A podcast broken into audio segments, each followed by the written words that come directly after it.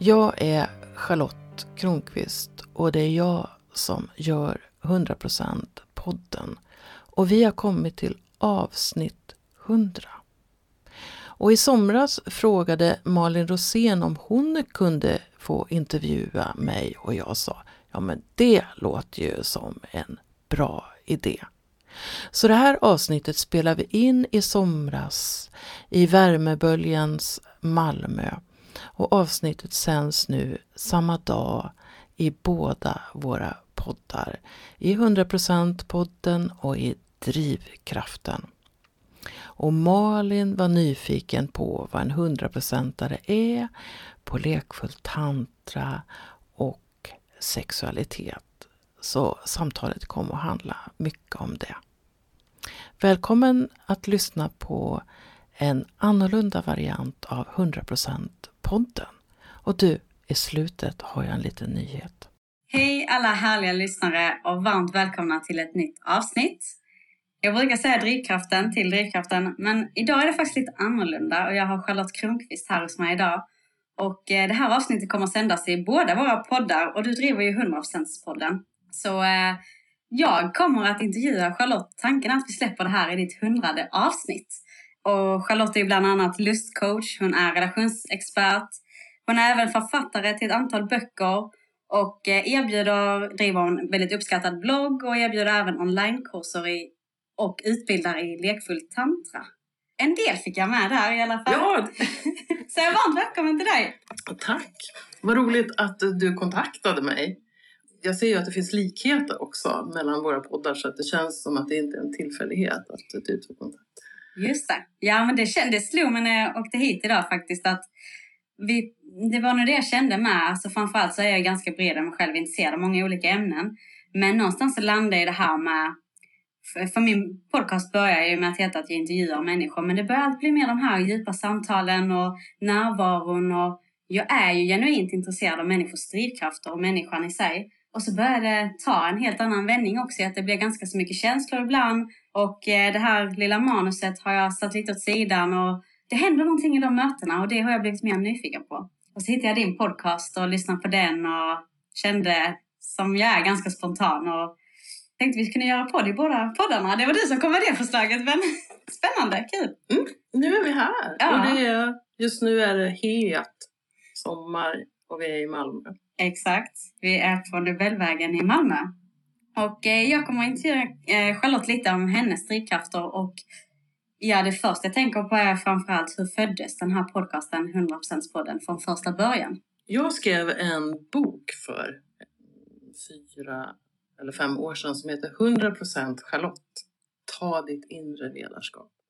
Och i den boken så beskrev jag vilka livsläxor jag har fått men också vilka möjligheter till ledarskap jag kan ta. Och som jag ser det, om vi ska bli fullständiga människor så får vi acceptera både de sidorna som vi inte gillar så mycket och, och också de vackra sidorna. Alltså ljus och mörker blir oss. Så där är ett av de första kapitlen handlar om lögn. Till exempel nästa handlar om skam. Så man tittar på de här olika sidorna hos sig själv och så är det frågor, en fråga på varje kapitel. Till exempel då, vilken är din relation till lögn? Så att den som läser kan få reflektera över de sidorna som man kanske inte vill kännas vid. Så. Och då börjar jag känna så här att ja, men, ju mer jag lever i linje med den jag är och erkänner alla sidorna hos mig själv, desto fullständigare blir jag. Då blir jag 100% Charlotte. Och hur hittar jag andra människor då som är 100%are? Vad är drivkraften hos dem?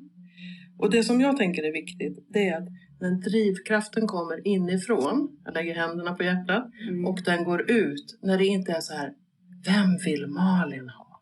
Jag försöker bli den, då är drivkraften utifrån.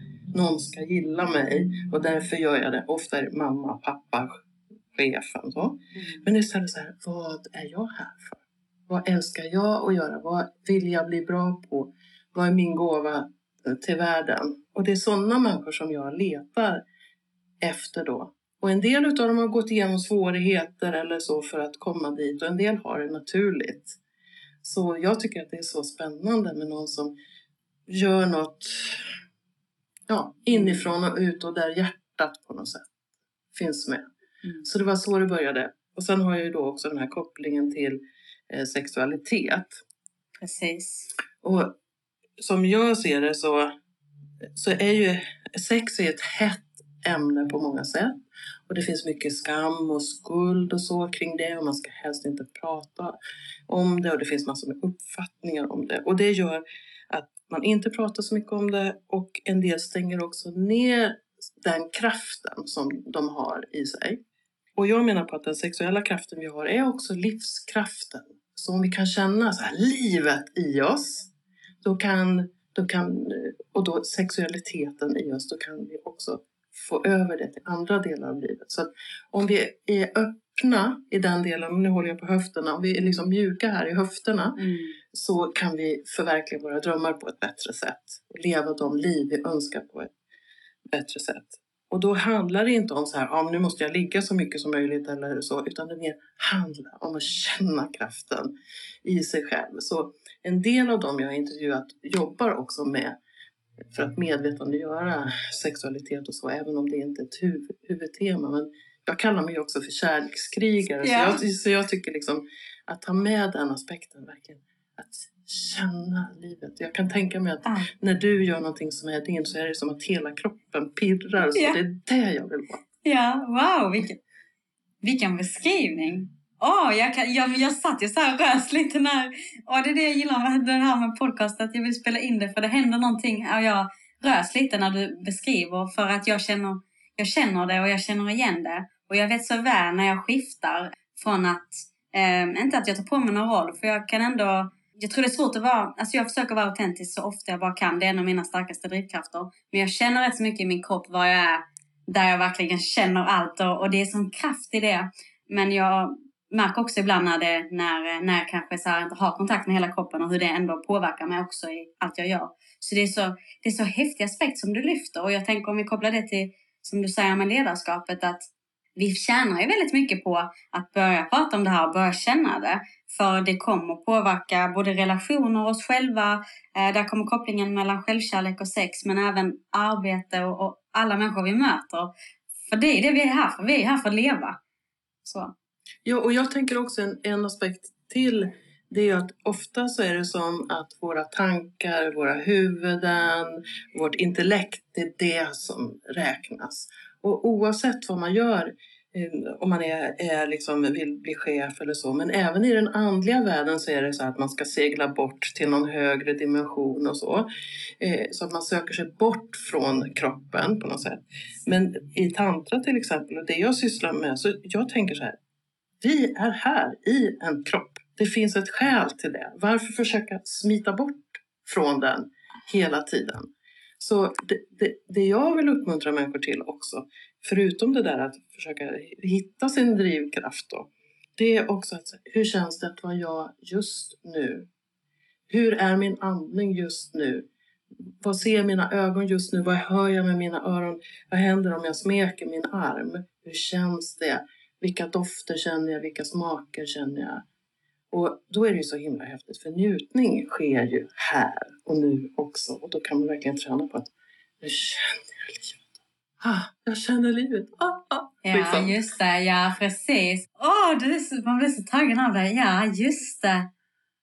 Ja, då kommer vi in på tantran med. Ja, för det är också ett ämne som jag känner många tycker uppfattas som flummigt. Och, men jag tycker det är synd också att det är så mycket skam och skuld kring det. För vad jag har för erfarenhet av tantran är att ah, det här, varför, varför hittar jag inte det här innan? Att jag kan känna så mycket.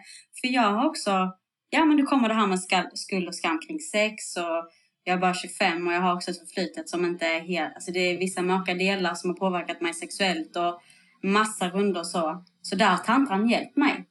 Så, eh, men varför är det så flummigt när det är så viktigt och välgörande? Det är så bra.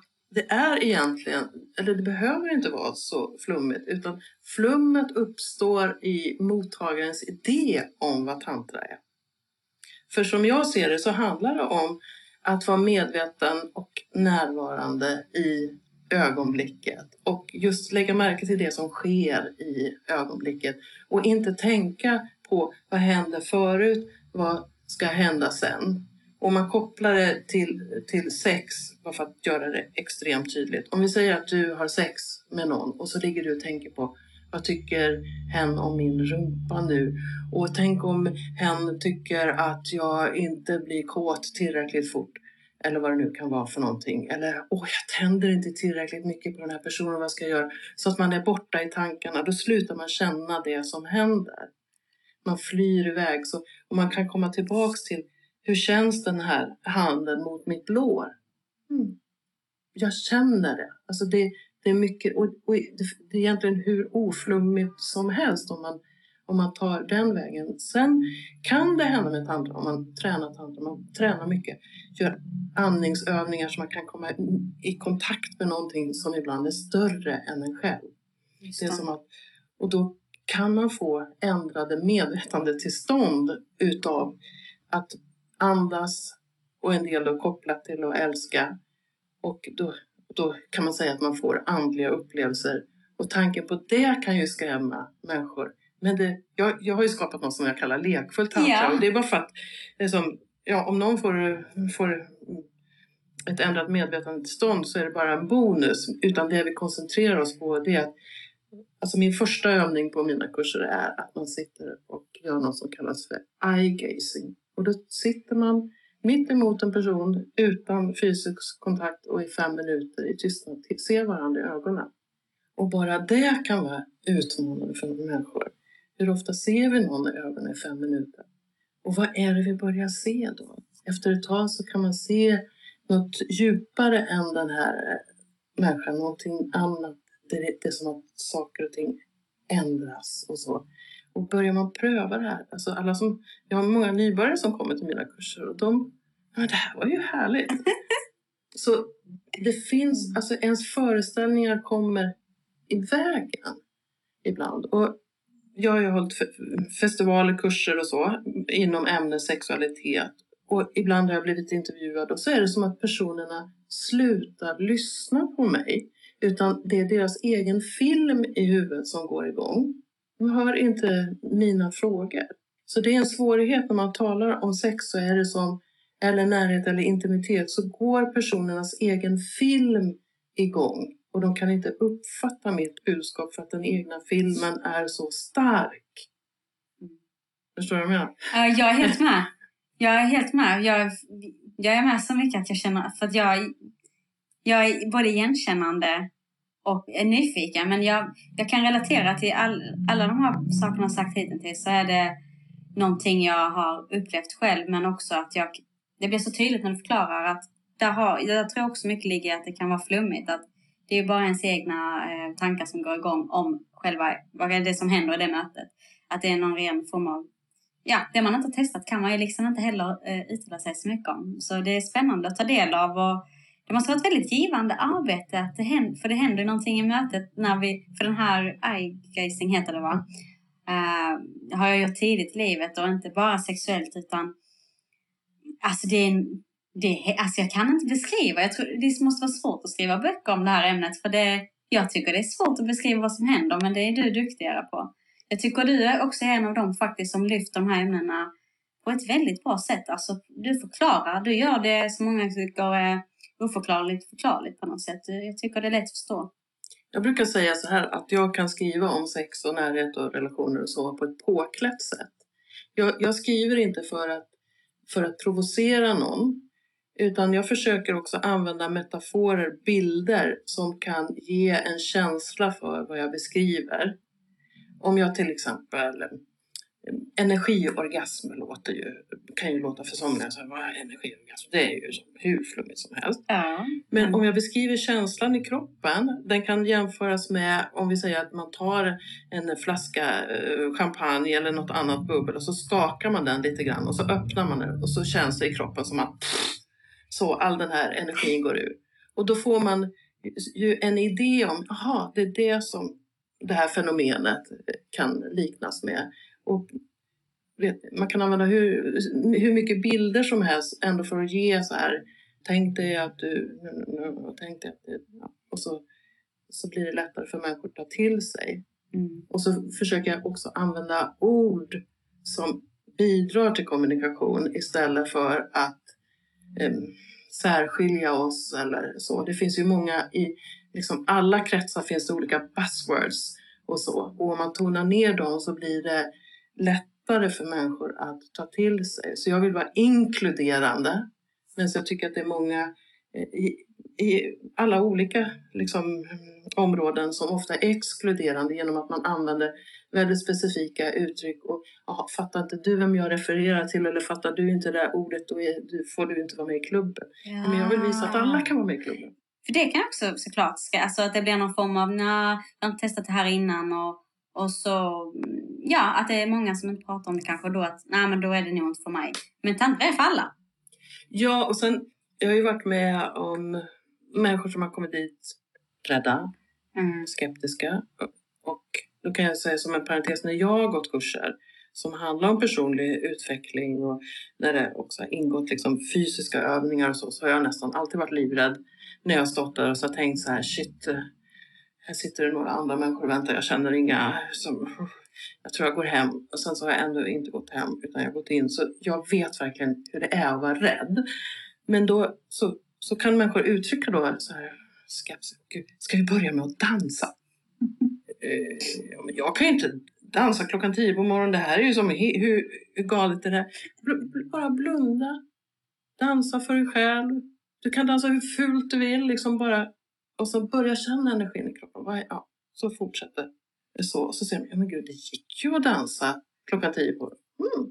och, och, så, ah. och så kan det vara vissa grejer som kan kännas jättekonstiga. Eh, och en av de som, saker, det är något som heter frigörande andning. Och då ligger man ner och så har man en andningsterapeut med sig. Jag har en kompis som är det. Eh, andningspedagog heter det.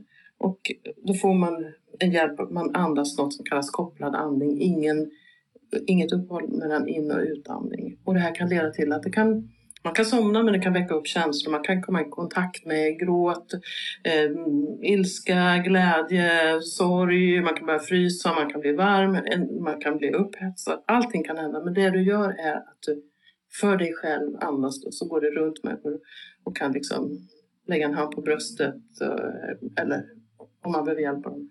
Och, och första gången man gör det här så händer oftast ingenting och så hör man människor men gud, hon gråter och hon skriker och hon skrattar. What a madhouse! Var har jag hamnat någonstans? Och sen bara, men vänta nu, nu händer något lite i mig. Eller när de berättar efteråt hur det var, så det var ju på riktigt. Så, men det kanske inte var så galet. Ja, och så, så att, eh, och sen så när helgen är slut så bara, men det här var ju riktigt kul. och där, där har det liksom hänt någonting ju. Och jag kan relatera till det. Och det är det som är så avgörande att man ändå... Jag ska testa en timme till. Jag testar en timme till. I början, jag tyckte också... Eh, jag har nog alltid så här... Lite fri med mig själv har jag varit. Sen stängde jag av det ett tag, så, sen kom det tillbaks. Men jag kan relatera till det här att man börjar släppa mer. Bara, åh vad härligt det är!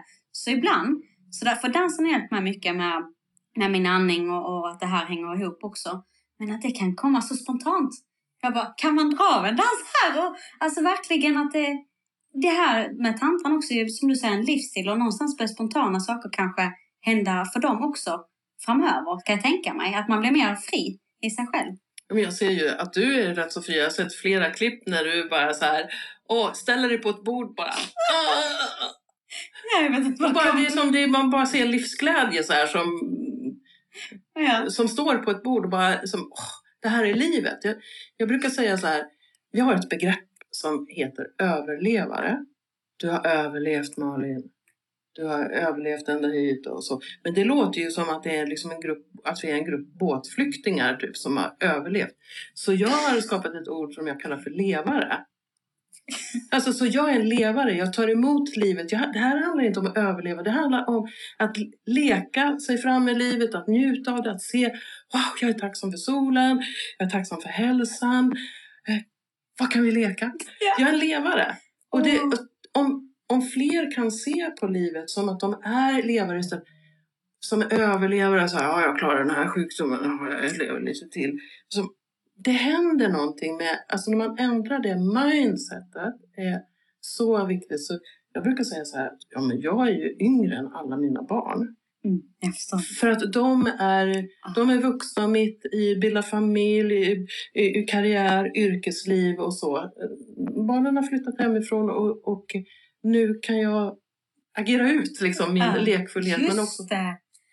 Ja, men jag ser det på dig. Alltså, det är det som är så härligt med för det är oviktigt. Vi är ju bara, vi är ju här på jorden en stund så vi behöver leka, vi behöver leva. Ja, det där kommer jag ta med mig. Vi är levare, inte överlevare. Nej, precis ja. Och vad innebär det? Vad är levande? Vad är att vara levande för mig? Ja, precis. Det som du... Ja. Jo, men, och det kan ju också vara, nu är jag ledsen. Det handlar inte om att förneka helheten utan i det ingår att du, den, känsla som är där får vara där.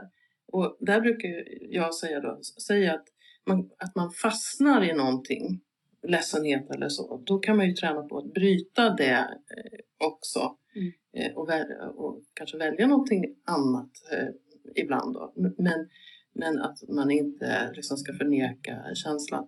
Det är det, det jag är ute efter. Det är att ibland så kan man ha en tendens att drunkna i sina känslor. Men då kan man säga så här, jag kan faktiskt simma, jag tar mig upp till ytan. Jag vet att det här finns, det får finnas, men jag håller mig över ytan. Ja, det kan jag också se. Oh, jag behöver lyfta den här grejen för den kom till mig nu. Ehm, för ju mer jag kommer i kontakt med mina känslor, alltså, för jag förstår att du har gjort en personlig resa för att kanske vara intresserad av de här ämnena och vad det du är idag. Så att den snappar jag med mig att den ska jag ta. Men jag tänker att, för jag var väldigt avstängd ett tag, sen började jag jobba med att öppna upp med känslor och där tillkom mycket både sorg men glädje också. Men jag märkte hur hårfint det är att ändå, jag har ett val hur mycket jag vill låta varje känsla eh, ska säga, påverka mig. Men att eh, någonstans är det ändå, jag har dem, jag behöver känna dem fullt ut. Men det var bra som du sa, man kan ju välja sen om hur mycket man vill gå ner i det här med ledsamhet. Och, men men det, man brukar ju säga att ju mer du känner känslan, ju mer avtar den. Men kan du se att vissa som kommer i kontakt med sig själva blir väldigt, att man kan gå ner sig i det här, för det finns ljuset och mörkret, att det blir, det kan bli för mycket åt den sidan, att man känner ledsamhet och fastnar i sorgen på det sättet. Jo, men om du går... eh, Nu har jag liten personlig erfarenhet av det, men jag har varit med om liknande situationer. Men säg att du är med i en självhjälpsgrupp. Det kan vara vad som helst, AA eller vad som helst. Mm. Och då sitter man och, och berättar om ens vad ska man säga, utmaningar med att hålla sig nykter till exempel och att man kanske har tagit sig ett återfall och vad det nu kan vara Mm. för någonting. Mm. Och då bygger gemenskapen på att man ha- har den, en viss identitet i den här gruppen. Eh, säg att det är någon, att säg, för att ta ett annat exempel, tänk dig att det är någon som har varit utsatt för sexuella övergrepp. Och sen så stannar man så här vid, jag är ett offer för sexuella övergrepp. Trots att det hände för 20 år sedan, 30 år sedan, 40 år sedan. Så bygger man sin identitet kring att vara ett offer. Och det är det jag menar, att det kan man ta sig ur. För då har man drunknat. Då håller man på att drunkna. Och istället så här, okej det här hände, jag överlevde. Hur kan jag bli en levare med den här erfarenheten? Så tänker jag. Vad häftigt att du tar upp det för att det är där jag befinner mig nu. att Jag har haft en bakgrund men någonstans hände på vägen att nu ska inte det här få identifiera mig själv längre. Det är något jag varit med om, jag har tagit mig igenom det, det har varit en utmaning. Men jag märkte att ju mer jag höll fast vid att, att eh, jag var min historia eller att det som hade hänt mig. Att när jag märkte att det begränsade mig i mitt, nu låter det ljus kom till mig men det kan man använda till min glädje. Att eh, när jag märkte att Ehm, det är ett minne blott för det är så mycket annat i mig som börjat leva och det, måste jag, det vill jag få mer utav. Ehm, så man, alltså, ju mer jag släppte kontrollen eh, och identifikationen med det som har varit, ju mer levande är jag idag, fri och jag... Alltså wow, vad häftigt att du lyfter det för ibland har jag känt att jag varit lite, eh, på tal om det här med att våga vara äkta, att jag bara, jag tar inte upp vad jag tycker om det egentligen eftersom att det kan, det kan vara känsligt för många. Men jag tycker faktiskt att begränsar historien en så eller man fastnar vid att man identifierar sig själv med det så, så kan det vara en tanke faktiskt att, eh, att börja vara lite nyfiken på vad det finns för andra delar. För, för det är någonting som man har tagit sig igenom. Ja, men, eh, Ja, och sen en annan aspekt. Alltså jag har ju gjort en inre resa de senaste 20 åren. Um, och det började med frågan, vem är jag? För jag insåg då för 20 år sedan, nej det är drygt 20 år sedan, att jag har spelat teater hela mitt liv. Jag har försökt att spela den som andra kan tycka om, eller i alla fall inte ogilla. Och det gjorde att jag var rätt så eh, eh, falsk. Jag var som en skådis på ett sätt. Och så anpassade jag mig efter vem tror jag Malin vill ha, vem vill mamma ha och så. Och då trodde jag att det var så här att inuti mig, det som var kärnan i mig var ett monster. Så om jag skulle börja vara mig själv så skulle alla bara springa. Innan den här dagen så vågade jag aldrig ställa den här frågan för jag trodde att jag, att jag skulle rasa ner i ett mörker. Men då började jag utforska vem är jag och jag började uttrycka mina känslor, känna dem igen. Jag hade stängt av känslor och så. Jag började visa upp det jag kände, säga som det var. Skiträdd. Jag har gråtit och skrikit och slagit på kuddar och gått så här, terapeututbildningar och, och allt möjligt så. Och i varje ögonblick så tänkte jag så här, nu kommer de att döma mig, de kommer att fördöma mig, de kommer att vända ryggen till mig. Och vad tror du? Nu ser vi dig Charlotte. Och så fint att se dig. Och nu älskar vi dig mer när du visar din sårbarhet. Det var precis tvärtom. Och ju öppnare jag är, men med mina liksom personliga gränser också, för det är viktigt för mig att inte vara gränslös. Liksom inom den ramen. Så jag har aldrig tagit emot så mycket kärlek som nu. Och en aspekt av det är också att i takt med att jag har accepterat mig själv så har mitt hjärta öppnats så jag kan ta emot kärlek. Och när jag kan ta emot kärlek så kan jag ge kärlek. Och jag tror till och med att det var så här att det fanns människor för 20, 30 och 40 år sedan som, som älskade och gillade mig, men jag kunde inte ta in det. Jag kunde inte riktigt uppfatta det, utan jag såg fel hos dem. Jag projicerade ut min egen oförmåga till kärlek på dem. Så nu är det så härligt att jag sitter här och är jag med dig. Svaret på frågan vem är jag? Jag brukar säga att jag vet fortfarande inte svaret men jag är förvirrad på en högre nivå. Okay. För vem jag är ja. är något stort alltså. Ja. Man kan säga att jag är mitt CV, men så är det inte. Nej. Och bara för att ta en ytterligare så här aspekt. Jag tycker det är roligt med olika så perspektiv och aspekt. Om du tänker att du står upp och du bara står upp och andas. Så kan du känna din kropp. Och så kan du mm, notera att du har tankar i huvudet. Det står du kanske gör någon rörelse också. Och du kan notera allt det här. Vem är du som bevittnar dig själv, din kropp, dina tankar, dina rörelser? Den här vid sidan av, eller vad det nu är, som kan betrakta dig, det är liksom en del av den som, som är eh, du. Så därför frågan Vem är jag? är för mig något som inte går att svara på. Nej, Nej jag vet vad du menar. Ja, precis. Nej, det, var, det var en intressant aspekt. Och någonstans så är det också så, vi har egenskaper om man nu gör det på den alltså, ja, mänskliga nivån så är det ändå att man, jag tycker det är häftigt när man zoomar ut faktiskt. Ja, för det är ändå någonting som, om någon säger så här, ah, jag är en glad person. Ja, fast vad är, alltså, vad är det? Vad är det egentligen som, det, jag känner att någonstans har jag egenskaper som människa men jag är också någon som har, det är någon det är någonting i mig som sätter den etiketten ju. Och vem är då det? Så att, åh, det är ju så spännande. Ja, och, och om man ibland drar ner på takten och det är det vi kan göra när vi oavsett vilken situation det är eh, börjar lägga märke till vad vi ser, hör, känner. Eh, det behöver inte ha med tantra att göra utan du kan göra det som en daglig meditation. Att du går långsamt och upplever livet. Alltså vad, vad händer med dig när du inte fyller ditt liv med uttryck eller intryck utifrån? Vad händer om du en kvart i 17 i Facebook? Vad händer om du är med dig själv en stund? Jag tycker mycket av svårigheter som människor kan få idag är att de springer ifrån sig själva. Jag, gör, alltså jag älskar Facebook, så att, alltså jag, jag, jag gör mycket av det här själv. Men jag kan också inte göra det. Så, att säga. Så jag har liksom de möjligheterna. Men hur många människor ser du inte som springer ifrån sig själva? Och det kan vara rädslan att vara ett monster. Eh, det kan eh, vara rädslan för saker, dumheter som man har gjort, att de ska komma i kappen eller att de ska komma på vem man är. Man kan, många har en känsla av att jag är en bluff och säga att man har hållit på med någonting som är skadligt för en själv eller någon annan så kan man liksom låta det Eh, uppfylla en eh, hela tiden och då kan man springa väldigt fort. Så ibland när människor är supertuffa och hårda och så, speciellt tydligt på män, så här, då tänker jag så men vad är det du döljer lilla vän? Varför behöver du vara så här tuff nu? Vad, vad handlar det om? Är det en kram du behöver egentligen? Ja! Åh, vad spännande! Ja, verkligen. Ja, du lyfter så viktiga saker, Charlotte. Eh, mm.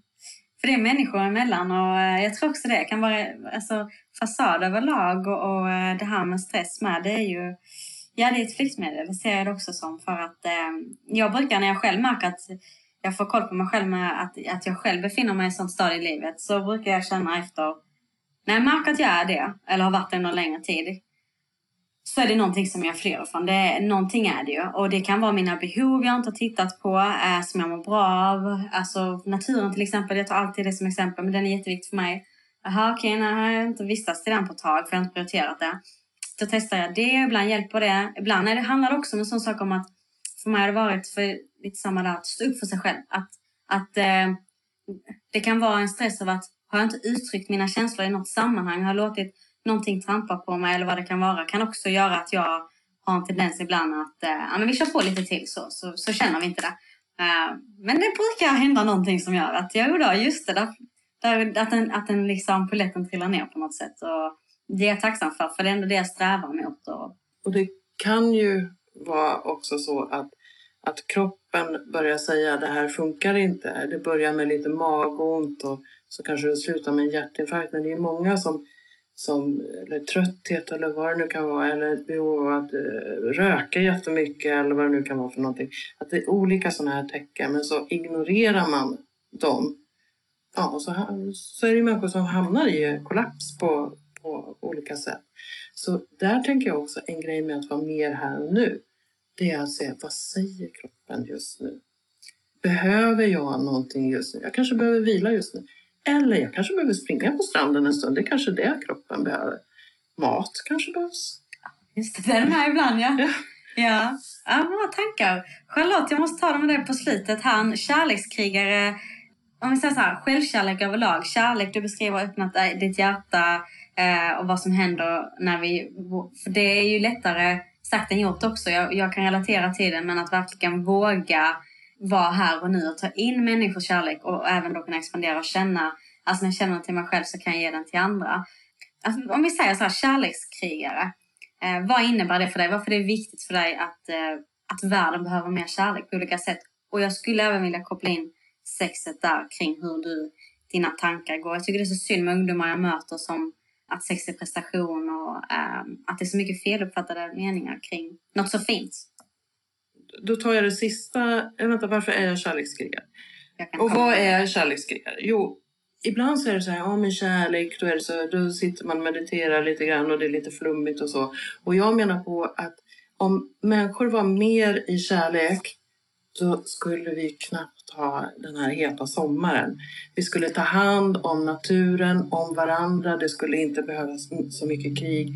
Jag menar på att motkraften mot kärlek är rädsla Eh, Eh, och det är det som driver konflikt och så. Så om vi kan vara mer kärleksfulla mot varandra så kommer vi människor att må bra och vi kommer, kan bidra till att planeten mår bra. Så jag menar på att vara kärlekskrigare det är liksom det värsta fredsarbetet.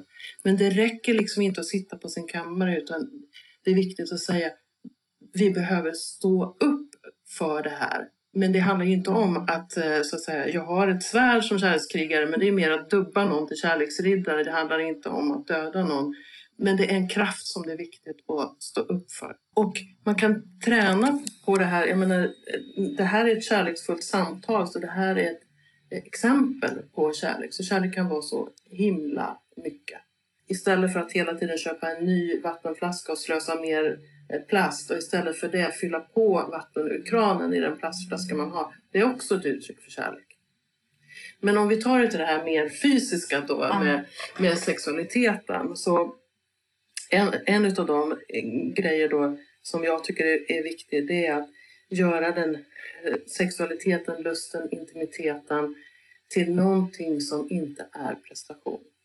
som inte handlar om jag måste komma så fort som möjligt. Hon ska få så många orgasmer som möjligt. Jag ska spruta så mycket som möjligt och på så många ställen som möjligt. Eh, jag ska ha sex med så många som möjligt. Ja, eh, och så. Utan det finns ju många som har sex utan intimitet. Alltså det är som att det, det, det är som grupponani på ett sätt. Så här, ja men okej, okay. jag juckar lite här. Det, alltså det, det börjar bli som masturbation. Men om man istället, det är klart att man kan göra det ibland. Jag menar, det är inte lika härligt. Nej, det är inte lika härligt. Men om, om man istället tränar på att känna den här beröringen och, och kan känna så här, det är skönt just nu. Jag har inte orgasm just nu, men det är skönt just nu. Istället för att tänka så här, om en minut, om fem minuter, om tio minuter, om tre timmar, då ska jag ha orgasm. Istället bara, hur känns det just nu? Hur känns den här beröringen av mina bröst? Hur känns det när mitt kön blir smekt? Hur känns det eh, att bli penetrerad? Hur, hur känns det att bli tittad i ögonen? Hur känns det eh, att bli, mm, mm få ett rapp på rumpan? Vad det nu är för någonting. Att verkligen uppleva det. Och jag tänker också med människor i alla åldrar, men kanske yt, liksom ytterst viktigt med ungdomar. Det är väldigt många som har abdikerat från föräldrar som har abdikerat från rollen som typ sexualupplysare till sina barn. Ah. Utan man har överlämnat det till nätet i hög grad. Det finns lite sexualundervisning i skolan. Och då, de, de förebilder man får kring sex eh, blir ju då eh, det man råkar se och då, då, då ser det ut som gangbangs är liksom det naturliga. Tjejer vill bli påsatt utav 14 stycken på en gång. Helst ska hon inte känna dem. Helst ska det inte vara några kondomer eller så som hon riskerar för alla möjliga Eh, och hon tycker om att bli sprutad i ansiktet, det är klart. Men alltså, något av det finaste som finns det är det första mötet med en människa. Att vara tonåring och tänka shit, jag måste hitta några kompisar och knulla mig. Jag måste ha henne i säng eller vad det nu är för någonting. Men, det är så, men gud, jag längtar egentligen efter att få klappa en flickas kind eller en pojkes kind. Hur känns det? Hur känns det? Tänk första gången som jag får ta innanför bhn och bara känna hur känns det att ha ett bröst i, i handen? Hur känns det att dofta på det här bröstet? Hur är det att, att hålla liksom, en, en kuk i handen? Bara hålla, tänk om den växer när jag, när jag håller den i handen. Vad är det för magiska krafter jag har? Alltså, det, hur, hur, hur känns, vad är skillnaden mellan att röra vid någon långsamt och när börjar jag känna pirr i kroppen? Och gud, vi ligger bredvid varandra, jag har kläderna på och jag känner gud, det, pirr, det pirrar i kroppen. Är det här var kåt? Gud, nu börjar jag känna mig lite mer kåt. Det här är nog kåt. Gud, snart skulle jag ju vilja, om, om jag tar från kvinnoperspektiv, snart skulle jag nog vilja att han la en hand så här mot mitt kön. Undrar hur det känns. Men gud, det kändes ju mysigt. Alltså att kunna närma sig sexualiteten med någon slags innocens, mjukhet, eh, försiktigt. Att kunna vara som, som en upptäcktsresande och få känna det här som mjuka, eh, subtila och så. Och, eh, och sen kan man ju, som, sen kan man ju liksom utveckla det hur man vill. Men att inte ha fått det utan gå liksom direkt på eh, fem minuters, eh, alltså knulla snabbt. Och, mm. och, och jag tror att det här är liksom för människor i alla åldrar att återupptäcka att, att, den här, att det här finns. Så jag vill verkligen bidra till att man ser sexualiteten som vårt urtillstånd. Och jag brukar säga så här, det här kom jag på för någon månad sedan, jag tyckte det var rätt så kul faktiskt. Här. Om du tittar på en människa, om du tittar på mig så kan du tänka så här, Charlotte, du är född ur ett sexuellt Och vem ser du då? Sen kan du titta på varje människa. De är födda ur sexuell njutning. Även om det är provrörsbarn så har i alla fall en man sprutat eh, en gång. Så alla är vi födda ur sexuell njutning. Och hur kan vi göra detta fantastiska till någonting fult? Om ni som aldrig har liksom tittat på ett kvinnokön, ta någon gång och titta på ett kvinnokön med vördnad och se, det här är livets port. Det är det mest magiska som finns. Nästan alla barn föds genom, genom alltså det är he, helt fantastiskt. Man kan föda orgasmiskt. Jag menar, mm. Så att ta wow. tillbaks det här, det vill jag vara med och bidra till. Oavsett om man är 15 eller om man är 115. Ja. Åh, jag njuter av ett samtal. Det, ja. det är så viktigt. Jag blir så här... Jag är så tacksam. Jag kan tacka mig själv att jag upptäckt det här ändå så pass tidigt i livet. För, för jag har hämtat hem mig själv i min sexualitet mer än vad jag gjort innan. Och det betyder så mycket för mig att jag önskar alla det här. För det är som du säger, vi är ju födda ur... Alltså, det är det mest naturliga som finns. Och jag känner, sen jag kom bättre i kontakt med mig själv, att jag har inte behov... Alltså, ska jag ha sex med en annan människa, då vill jag att det ska vara... Alltså, det ska jag ju kunna njuta av. Det kommer ihåg när jag var yngre, det var ju många ungdomar, det är något som ska checkas av, det ska göras, man ska komma snabbt och bam, bam, bam. Allt ska gå inom. Men jag menar, hur kan vi göra det till en prestation? Då förstår jag inte ens riktigt varför vi ska ha det. För det är ju som du beskriver, alltså den här närvaron och känslan av varje kroppsdel, det är, det, alltså det är, det är en njutning. Det är en njutning. Och jag vill bara lägga till att det, det är också viktigt för oavsett vilket kön man har också att vara i kontakt med sin egen kropp, röra vid sin egen kropp, även onanera och lära sig åh, den här beröringen tycker jag om. För ju mer man vet om vad man själv njuter av, desto lättare är det också att guida en partner. Och jag tror att det är också viktigt att kommunicera. Det här tycker jag om. Det här skulle jag vilja göra. Det här finns ett ja till hos mig. Det där finns det, just det här finns det ett nej till. Så att man gör allting med samtycke, även om man är ihop. Nu skulle jag vilja analknulla dig. Just nu känner jag inte för det, men um, kanske imorgon. Mm, just det. Just alltså, det. Att det här med samtycke är A och O, eh, tycker jag. Och då betyder det också att vi behöver säga saker. Vi behöver säga ja och vi behöver säga nej. Sen kan man ju ha olika överenskommelser i, i relationen. Men så att, det, att det är klart att man inte övergriper sig.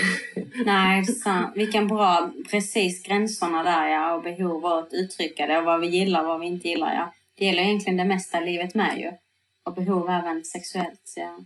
Så det är det som är så fantastiskt. Att om vi börjar prata klartext här, om vi kan njuta här med sexualiteten så kan det få det är som att kasta en sten i vattnet så blir det ringar och så, så för det med sig till andra områden.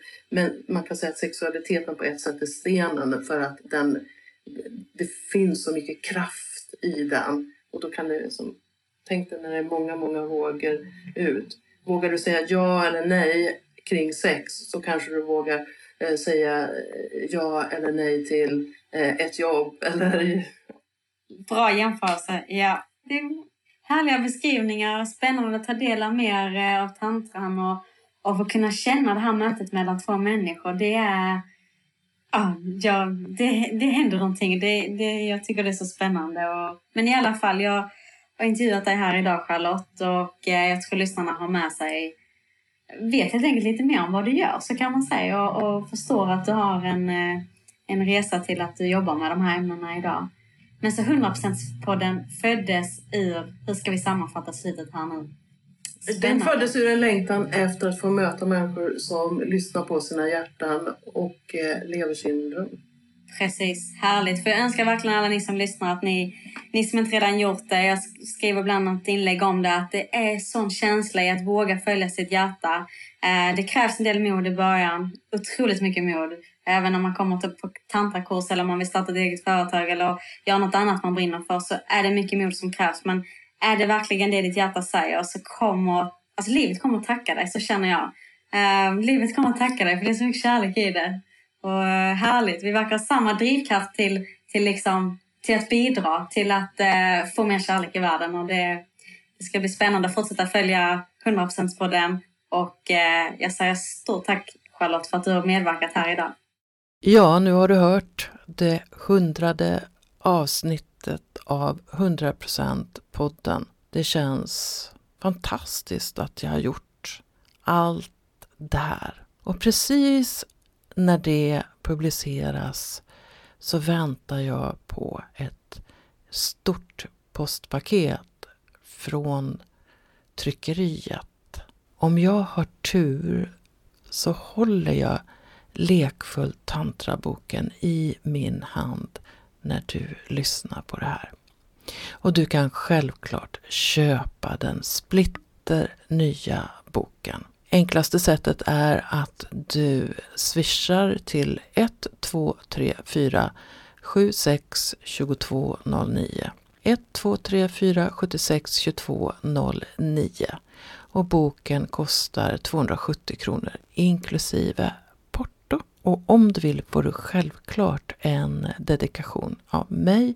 Kom också ihåg att lämna din adress så jag kan skicka boken till dig.